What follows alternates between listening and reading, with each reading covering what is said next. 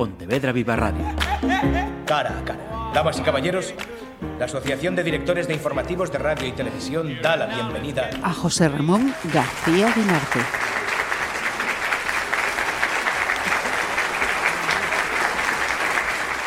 Saludos, ¿qué tal? José Ramón García Guinarte es un pontevedrés. Académica y profesionalmente, además, un hombre multidisciplinar. Y me explico. Licenciado en Filosofía y en Ciencias de la Educación, con formaciones también en Dirección de Comunicación Corporativa, Comercio Internacional, Gestión de Empresas, Programación Neurolingüística e incluso Hipnosis Clínica. Dirige también el Instituto de Neurociencia y Alto Rendimiento, ubicado en Pontevedra.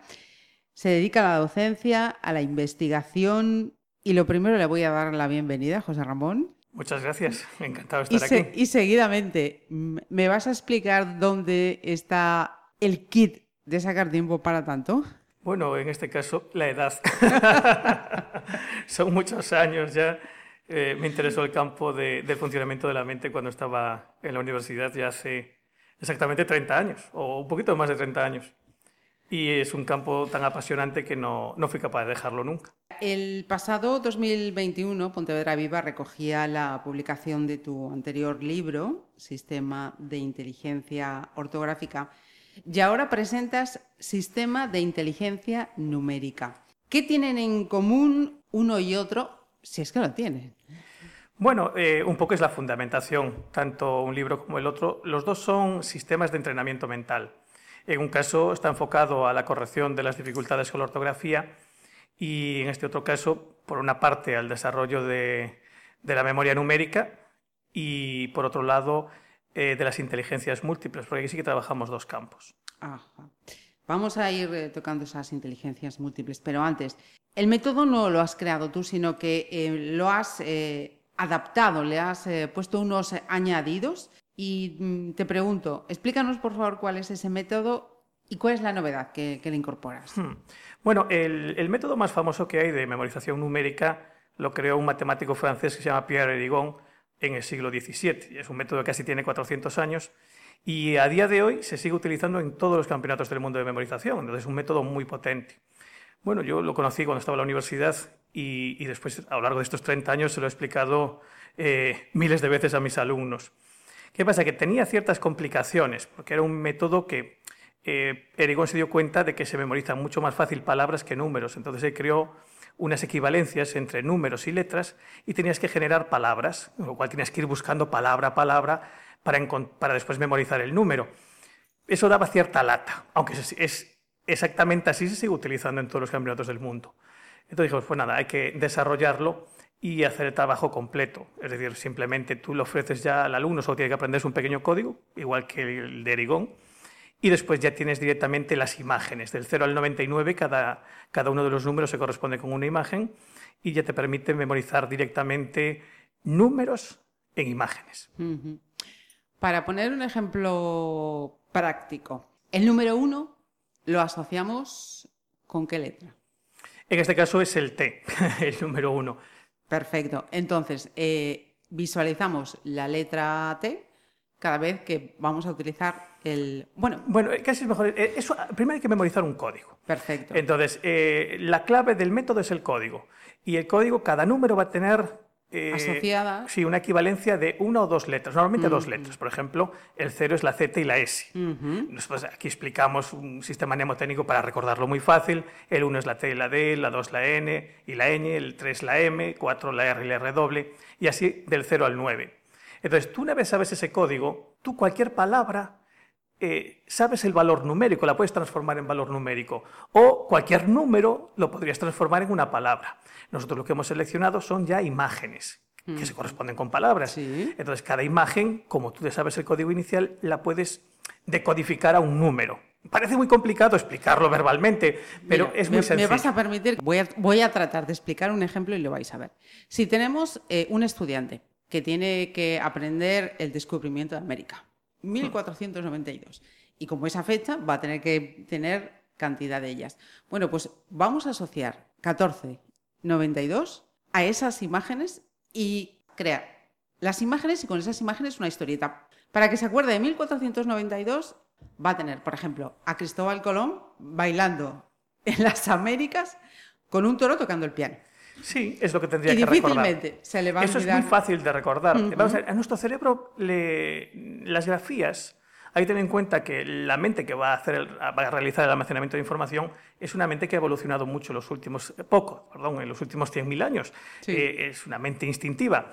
Entonces, una grafía no tiene un significado de cara a la supervivencia, pero sí tiene, sí tiene mucha importancia para ese cerebro cualquier elemento vivo. Cualquier imagen que se mueva mm, llama la atención siempre de nuestra mente por una razón, una cuestión de supervivencia. Hace 50.000 años o nos podían cazar a nosotros o lo teníamos que cazar nosotros. Con lo cual aquí lo que hacemos es dotar de imágenes vivas. Entonces, para memorizar, por ejemplo, 1492, se divide el número en pares. Ajá. Tendremos 92 y 14. En este caso no tendríamos que estar buscando palabras. Hay una especie de diccionario de imágenes, nos vamos Ajá. 92 y 92 nos aparece un piano y 14 nos aparece un toro. Entonces, simplemente asociando toro, piano y Cristóbal Colón, y eso en una imagen, lo grabamos en la mente, y la próxima vez que me pregunten descubrimiento de América me va a venir esa imagen. Como me sé el código, ese código sí que hay que aprendérselo y sé que la T vale 1, la R vale 4. L- eh, en este caso, el, eh, el 9, en, eh, el 9 es eh, la P o la B ¿no? del, del piano y el 2 es la, la N. Con lo cual, yo sé que es 1492, lo decodifico, toro piano. Es muy sencillo. Y, y bueno, con saber ese código lo puedes aplicar en cualquier, a cualquier infinidad, sí. infinidad de cosas. Voy a hacer un paréntesis y decir que de verdad que ayuda a estudiar. Hablaba antes con José Ramón y le decía que en la etapa de BUP tuve ocasión de, de aprender el, método y realmente fue de mucha utilidad posteriormente. Por tanto, estábamos hablando de estudiantes, pero no es un método solamente para, para niños o para jóvenes.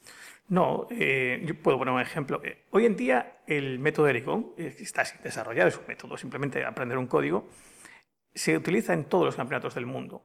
Entonces, lo que a nosotros nos llamó la atención, y yo creo que no se había analizado previamente, es por qué un método tan antiguo es tan altamente eficaz. ¿no? Pasaron 400 años, se sigue usando y se sigue usando por una gente que es una élite de, de la capacidad de memorización.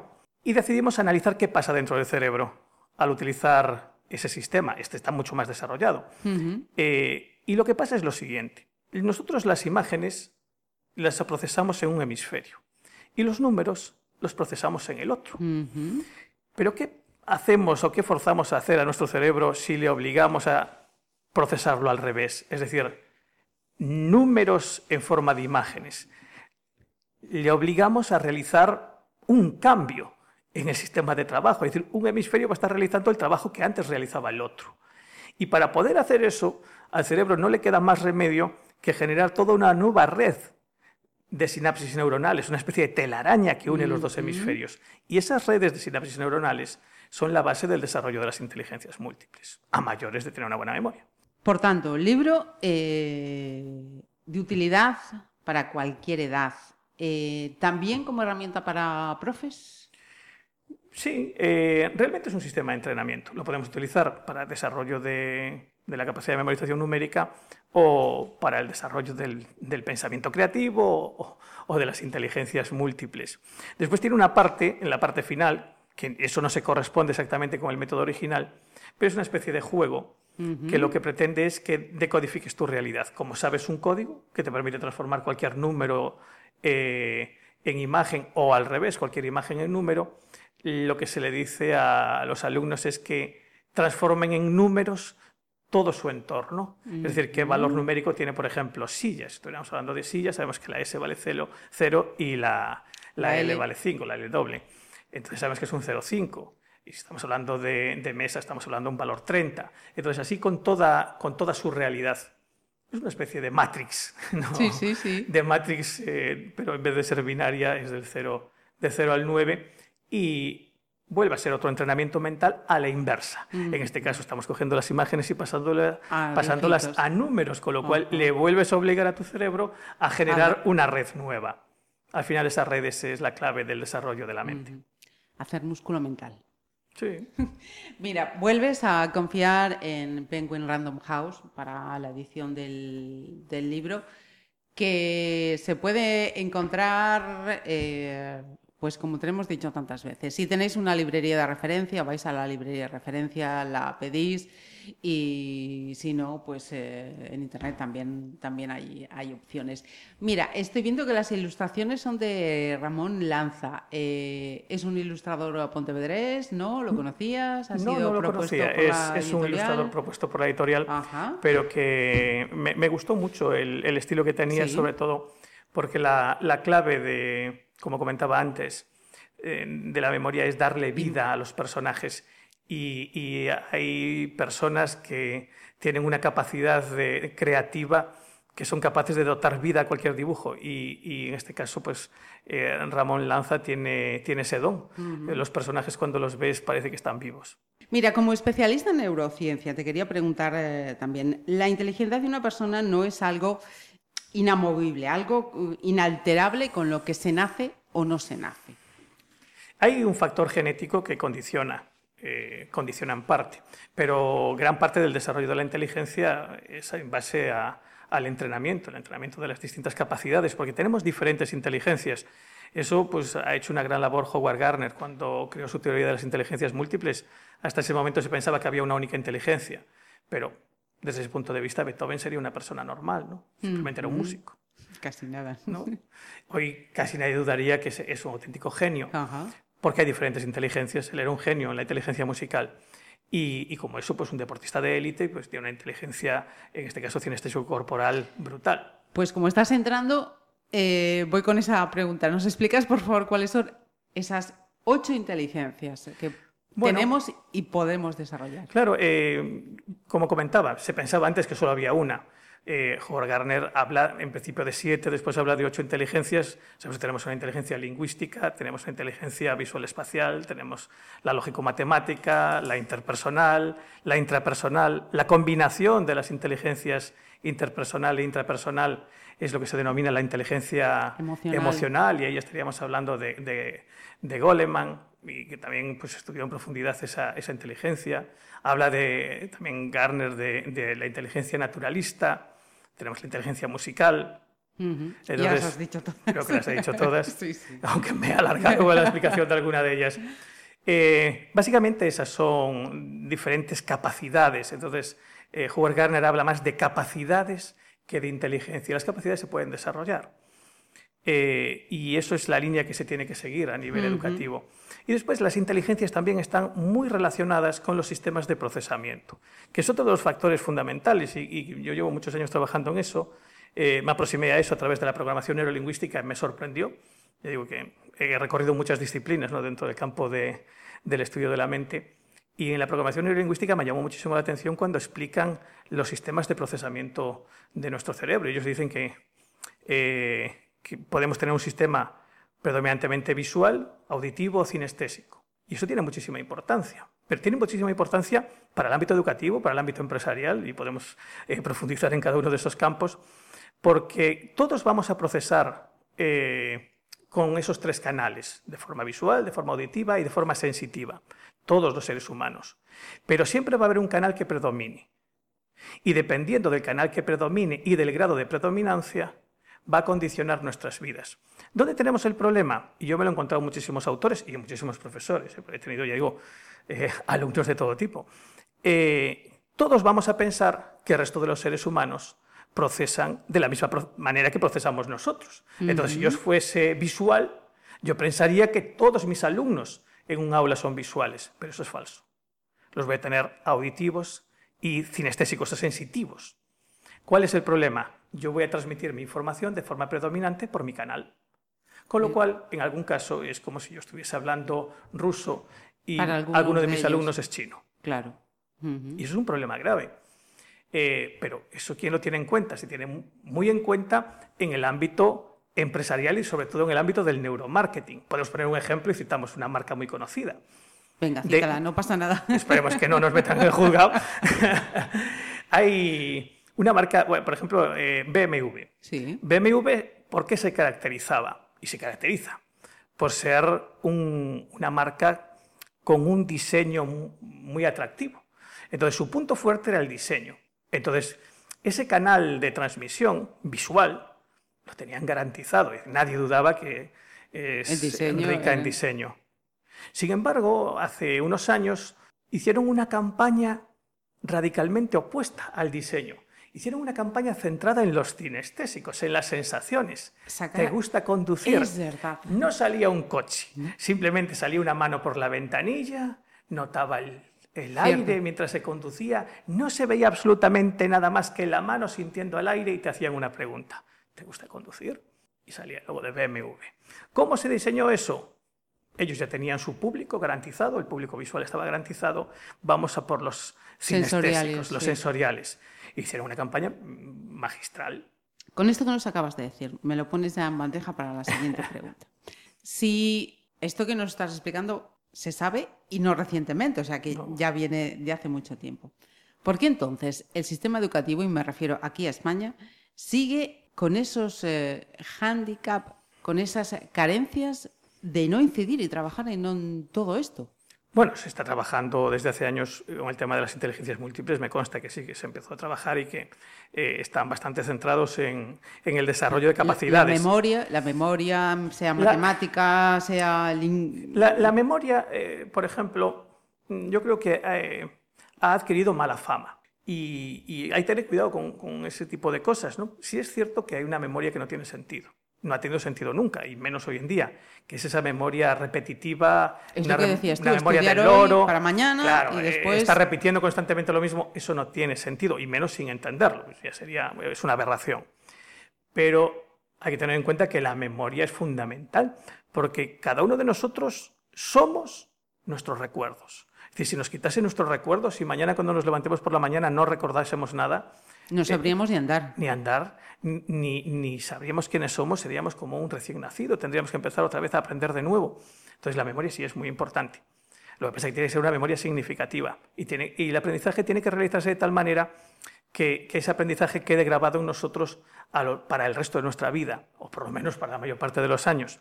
No puede ser que en términos medios un alumno cuando acabe la escolaridad obligatoria recuerde el 20% de lo que ha estudiado.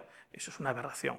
Pero bueno, eh, yo creo que se va mejorando, poco a poco, pero Por ejemplo, cuando, y perdona que te, insista, porque eh, esto es una cuestión de, mm, debate de, adultos, que sobre todo los que tienen hijos, pues me he topado en, esa, en esas conversaciones. Y con esto que estábamos hablando, digo, ¿no es posible entonces que cuando una criatura termina pues, eh, la primaria o la secundaria, se sepa mm, pues mm, si tiene una mayor habilidad en esa inteligencia musical, en esa inteligencia eh, interpersonal, en una inteligencia lingüística, porque ayudaría mucho de cara al futuro, ¿no? Vamos a ver, la situación es bastante más grave. Eh, a nivel general y, en España, bueno, los datos en España no son buenos en ese sentido. Podemos hablar de los niños de altas capacidades o a mayores de los superdotados, los de ya muy altas capacidades. La situación es tremendamente grave. Em, se conoce esto. Yo puedo hablar de datos oficiales. Según los datos oficiales, eh, nosotros sabemos a nivel estadístico que en torno al 2% de, de nuestros niños son superdotados, es decir, de muy altas capacidades. Entonces, es fácil estimar cuántos tenemos. Si sabemos que hoy en día hay en torno a 8 millones de, de alumnos, sabemos que tenemos 160.000 superdotados en nuestros centros educativos. Bien, eh, esos superdotados necesitan una atención especial, pues sus mentes son tremendamente brillantes. Eh, y en teoría, esos superdotados serían las personas más cualificadas para el desarrollo de nuestro país, a nivel científico, a nivel médico, a nivel tecnológico. Eh, estamos hablando, son los genios potenciales que tenemos. Bueno, si analizamos el índice de fracaso escolar o de abandono niños superdotados nos echaríamos las manos a la cabeza. Es superior al 50%. Lo cual quiere decir que el 50% de nuestros genios salen del sistema educativo. Pero es más grave aún, porque es un 50% sobre los que han sido diagnosticados. Pero sabemos que solo han sido diagnosticados un 25%. Con lo cual podríamos estimar que el índice de abandono escolar de los superdotados en nuestro país es superior al 70%. Y eso no puede ser. Es decir, ¿cómo el 70% de nuestros genios abandonan el sistema? Algo no va bien. ¿Y con el resto? Eh, eso hablamos de, los, de los superdotados. Cualquier persona normal, eh, el cerebro es tremendamente... Eh, tiene una tremenda plasticidad, tiene una capacidad de desarrollo tremenda, pero tenemos que partir de una base. yo si voy a IKEA y me compro una mesa y son cuatro patas y un tablero, viene con un manual de instrucciones. Hoy en día sigue sin explicársele a ningún alumno cómo funciona su cerebro. Resulta que tienes la máquina más fascinante que existe en el universo, nadie ha sido capaz de cuantificar sus límites y vienes sin manual de instrucciones y nadie te explica cómo funciona. Entonces, en el caso de un niño superdotado, ¿qué problema tiene? Ese niño, imagínate, tiene una especie de Ferrari en su cerebro. Entonces, si al sacar el carnet de conducir, el primer coche que te regalan es un Ferrari, tienes dos problemas. Uno, si corres mucho sin tener habilidad, te vas a estrellar. El final, sí. Pero si te hacen ir muy despacio, te vas a aburrir. Eso es lo que le pasa a los superdotados dentro de nuestro sistema educativo. Y a los niños normales, pues bueno, hoy en día hay un problema que tienen, el sistema educativo tiene una competencia muy dura. La oferta que tienes es brutal. Eh, es brutal. Videojuegos, eh, redes sociales, eh, todo tipo de accesos a todo tipo de información, con lo cual el sistema educativo tiene una competencia muy dura. mira, has pasado por encima una pregunta que tenía casi para terminar y es por qué si desde hace tantísimo tiempo también sabemos que utilizamos tan poquito porcentaje del cerebro que tenemos, ¿por qué nadie se dedica a que esto se trabaja así? Desarrollemos nuestro cerebro. Eh, resulta paradójico, es algo con lo que me he encontrado a lo largo de los años. Eh, las investigaciones más interesantes en, el ámbito de, la neurociencia no se realizan eh, en el campo de la educación, las más interesantes se están realizando en el campo del neuromarketing, porque es donde está el dinero, indudablemente. Ahí sí que se juegan muchas habichuelas. Estamos hablando de muchos miles de millones de, euros que se, que se, juegan en cada campaña pues, de lanzamiento de un producto. Sin embargo, sí hay estudios muy interesantes en ese campo que se podrían extrapolar para otros muchos. Y estoy hablando desde el educativo o incluso al médico. y simplemente como no se produce un trasvase de información entre distintas áreas eh, la sociedad sigue funcionando en una especie de compartimentos estancos. Tú no sacas, eh, no le sacas provecho a investigaciones de otras áreas. Yo te puedo poner un ejemplo. Mira, eh, el, problema de la mente en blanco en los exámenes, era un tema, el miedo es un tema que me interesó mucho hace años y también lo estudié en profundidad, de forma casual. Y una vez me preguntaron en, en una conferencia hemos desarrollado un sistema para controlar la mente en blanco en los exámenes, una eficacia tremenda. Porque la mente en blanco simplemente es eh, el, miedo. El miedo en nosotros eh, genera pues, una situación de conservación y entonces automáticamente cualquier cosa, un examen, generaría las mismas sensaciones corporales que la presencia de un león, para ponernos un ejemplo. Entonces, ¿qué va a hacer nuestro organismo? Ante un peligro, el primero que lo capta no es la mente consciente. Tenemos ahí una especie de radar que procesa muy, muy rápido la información. Se estima que la mente inconsciente procesa la información entre 100.000 y un millón de veces más rápido que la consciente. Entonces, antes de que tú veas el león, tu mente inconsciente ya ha hecho un análisis de esos estímulos eh, para saber, desde que tú naciste hasta el día de hoy, si están asociados con algo peligroso. Si detecta que están asociados con algo peligroso, hace saltar las alarmas. Y al saltar las alarmas, ¿qué se produce en tu organismo? Y tú aún no has visto el león. Tus ojos han mirado para ahí, ha captado unos estímulos, pero aún no lo has procesado. Entonces, ¿qué va a hacer eh, tu organismo, esa mente inconsciente? Te va a hacer generar adrenalina, te va a hacer generar tensión muscular, te va a hacer generar mayor ritmo respiratorio, mayor ritmo circulatorio. ¿Para qué te está preparando? ¿Luchar o huir? Puedes elegir, eso lo vas a elegir racionalmente. o no. Y a mayores niveles altos, ¿no? en este caso de, adrenalina, eh, hacen segregar otra sustancia se llama la corticosterona. Y niveles altos de corticosterona producen una amnesia temporal que suele durar en torno a una hora. Esa es la mente en blanco en un examen. ¿Cómo se elimina la mente en blanco en el examen? Si tú eliminas ese proceso en espiral, ¿eh? de, en este caso, estrés o miedo que va generando niveles altos de corticosterona, automáticamente no se produciría la mente en blanco. La cuestión es, ¿cómo se elimina? Bueno, hay puede haber varias técnicas. Nosotros estamos enseñando una. Pero un día me preguntan, ¿habría otra fórmula más fácil? Y yo, sinceramente, en ese momento Me imaginé que habría una, pero no, no, no la conocía. Y le dije, sí, seguro que sí. dice, ¿cuál es? Y en el momento la tuve que pensar. Y me vino a la mente. Y te voy a explicar lo que vino a la mente. Me imaginé a un ciervo, pastando tranquilamente. Y de repente un león. ¿Sería posible que el ciervo siguiese comiendo al ver al león? Nunca. Huiría, pararía de comer y huiría. Y entonces le dije, mascar chicle. Mascar chicle rompería el proceso. Pero yo no lo sabía científicamente. Lo deduje. Lo primero que hice al salir de allí fue llegar al coche, sentarme y en mi teléfono entrar en San Google y teclear investigación, niveles de corticosterona y eh, chicles. Y encontré un estudio en Estados Unidos. Toma. En personas normales eh, reduce un 16% los niveles de corticosterona en situaciones normales. Aquí no necesitamos que lo reduzca en situaciones normales, solo necesitamos que no se incremente. Con lo cual, mascar chicle eliminaría la mente en blanco en los exámenes. Me acabo de quedar estupefacta. Estupefacta. Bueno, la conclusión de, todo esto, que si no se sigue estudiando es porque no interesa del todo, que, se, que sepamos. Bien. Y por cierto, ya sabéis, chicles, quienes estéis eh, estudiando, se enfrentéis a, a un examen. Eh, no pensaba yo que esta charla iba a ir por estos derroteros, eh, Dios mío. La mente tiene muchos caminos. Mira, y mm, me estaba centrando en la población más joven, pero si nos vamos a los mayores, porque ahí sí que tenemos también otro reto con la memoria, con el deterioro cognitivo. Bueno, tengo menos experiencia en el trabajo con mayores. Normalmente o, trabajamos con adolescentes que a veces vienen con sus padres, a veces pues también vienen profesores, eh, opositores y, con empresarios. Eh, eh, no tengo experiencia trabajando con gente mayor, ahí no te puedo decir. Me voy para atrás entonces. Si yo fuese una persona mm, que con 50 sigo haciendo, pues mira, trabajos que me lleven a ejercitar mis distintas inteligencias.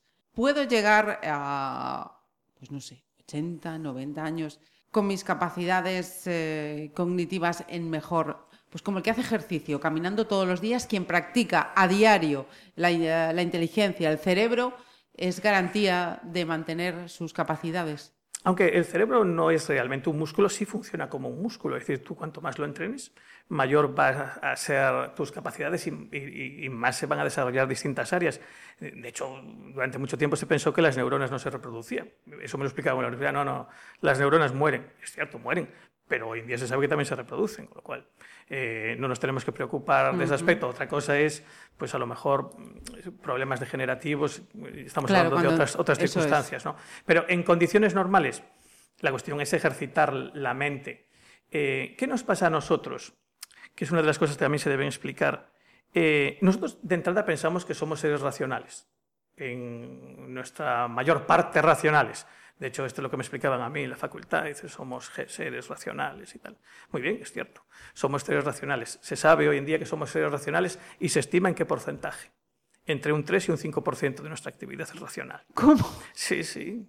Somos racionales entre un 3 y un 5% de nuestra actividad cerebral. Entre el 95 y el 97 es inconsciente y está fuera del control lógico. Y eso, eso es la mayor de nuestras virtudes y te puedo explicar de un momento por qué, y la fuente de la mayor parte de nuestros problemas, paradójicamente. ¿Por qué es la mayor de nuestras virtudes? Porque comentaba antes, la, hay diferencias, ¿no? pero la principal diferencia entre la mente consciente y la mente inconsciente, según la mayor parte de los neurocientíficos, está en la velocidad de procesamiento. Y ya digo, estiman que la mente inconsciente es capaz de procesar entre 100.000 veces y un millón de veces más rápido que la mente consciente. Ahí no hay consenso. De, antes, sí, lo poníamos antes. Entonces, eh, nosotros cuando automatizamos cualquier tipo de, aprendizaje, ya no tenemos que pensar. Yo puedo ir caminando, cuando doy una conferencia me gusta mucho caminar, pero yo no estoy pensando en cada paso que doy, ni en mantener el equilibrio, ni en cada gesto que hago. Eso es automático, se ha automatizado, en este caso para bien. Y puedo hablar, eso me permite que mi mente lógica esté pensando y me permita hablar. Si no, colapsaría. Pero al igual que pasa para bien, también pasa para mal. ¿En qué se va a basar el proceso de procesar de forma consciente o inconsciente las cosas? Pues hay varias fórmulas, pero la más habitual es que todo lo que se repita es suficientemente, un suficiente número de veces se automatiza. y ya está fuera de tu control consciente. Adicciones. Ahí está. Es la base de todas las adicciones. Y una adicción, como puede ser comerse las uñas, que tú dices comerse las uñas, es algo que debería controlar. Y dice, vamos a ver, no te comas las uñas. Te despistas y tienes los dedos en la boca. Dice, pero ¿cómo? Porque está operando el otro cerebro, que está fuera de tu control en este momento. Entonces, tiene ventajas e inconvenientes.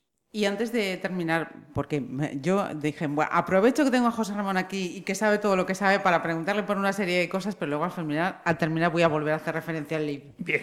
Pero quería, quería antes de terminar, em, no pasar por alto esta pregunta y que me ha llamado la atención. Lo has mencionado en algún momento de la entrevista.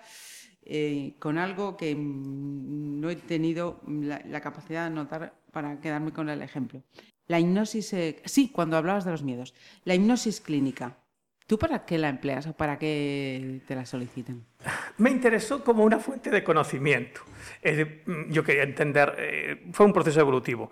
En principio, mm, pues empecé a investigar el funcionamiento de la mente, empecé por la memoria, eh, después me interesó la programación neurolingüística y muy relacionada con la programación neurolingüística está la hipnosis clínica y la hipnosis ericksoniana. Pero bueno, he recorrido más métodos, el método Silva o la terapia breve estratégica, que también es muy interesante, eh, o la sugestopedia, que también es un tema muy interesante. Eh, bueno, me interesó en ese campo. Y después, bueno, la he utilizado pues, cuando me encuentro cosas muy difíciles. Claro. Quienes la tachan de no, eso no, no, no puede funcionar. Hombre, yo te puedo explicar eh, quiénes han sido mis compañeros eh, de formación. Eh, un montón de médicos. Eran médicos, la mayor parte cirujanos plásticos, para hacer operaciones con anestesia bajo hipnosis. He oído hablar de ello. bueno, pues Sistema de Inteligencia Numérica. Un libro, una herramienta estupendísima y, que me parece que también es una estupenda herramienta, pues como hacemos crucigramas o hacemos sopas de letras, pues trabajamos estos hemisferios y, vamos tejiendo esas redes de las que nos hablaba José Ramón. Mira, mm, el segundo libro, ya esa cabeza anda pergeñando un tercero, de momento le vas a dar al pause. No, estamos trabajando en, un tercero. El tercero, mm, para mí, eh, va a ser intentar sintetizar 30 años. Eh, quiero, vamos a hacer el primer manual sobre el funcionamiento de la mente, es decir, el primer manual de instrucciones sobre el cerebro. Vale, resérvame ya para la siguiente entrevista. José Ramón, un millón de gracias, he aprendido un montón. Un placer. Pontevedra Viva Radio. ¿Me permiten que les haga un comentario como espectadores del programa Cara a Cara? Según un reciente sondeo de mercado, ustedes disponen de estudios e inteligencias superiores a la media. Sus intereses abarcan desde la actualidad mundial y la ciencia hasta el deporte y los espectáculos.